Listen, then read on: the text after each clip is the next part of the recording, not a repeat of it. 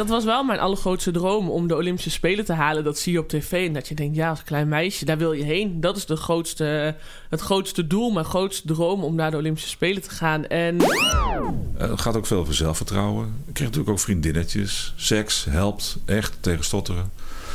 Kan iedereen aanraden.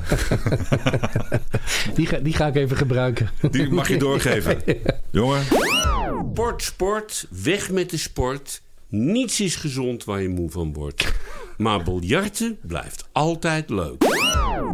En op een gegeven moment uh, riep hij al: het is nu verstandig dat Albert daar Benne gaat wisselen. En vervolgens twee minuten daarna deed ik de wissel die hij voorspeld had.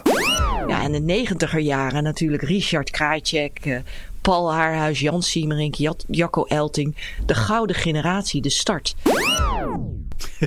De eerste man die jou twee nachten wakker heeft gehouden. Absoluut. En mannen gaan mij niet wakker houden, maar jij wel. Uh, want dat, wat één was Le Mans. En uh, de tweede was, en toen zag ik dat jij een boek had. Ja, dat heb je uitgelezen in één keer. Uh, nou, ik heb hem geluisterd. Oh, je hebt hem geluisterd. Dus ik heb, vannacht, ik heb, hem heb ik ook nog zelf ingesproken. Laat in het verhaal. Dat onoverwinnelijke gevoel, maar ik haal zoveel uh, uit mijn privéleven, zeg maar. Dat is echt het allerbelangrijkste voor mij. En dan kan dat fietsen me echt helemaal niks meer boeien. Ik word zeg maar echt gelukkig van als ik gewoon thuis kom en met z'n drieën thuis ben. Geef mij eens je handen, kijk in mijn ogen. Ik zit vol van iets dat jij moet weten.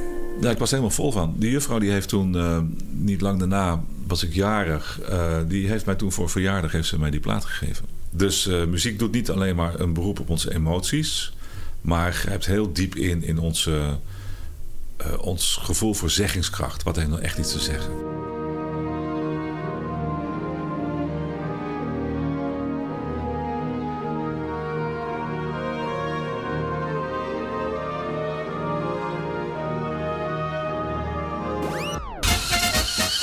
Zo, en dan nu even tijd voor een kopje thee. Ah, lekker. Even bijkomen. Oké, okay, daar gaat hij weer. Welke heb je als eerste? Uh, als eerste, ja, gewoon het lijstje wat jij doorgaf. Hazes is voor mij een beetje Nederland in het buitenland. Het maakt niet uit waar ter wereld je bent. Als je hazes opzet, ben je thuis.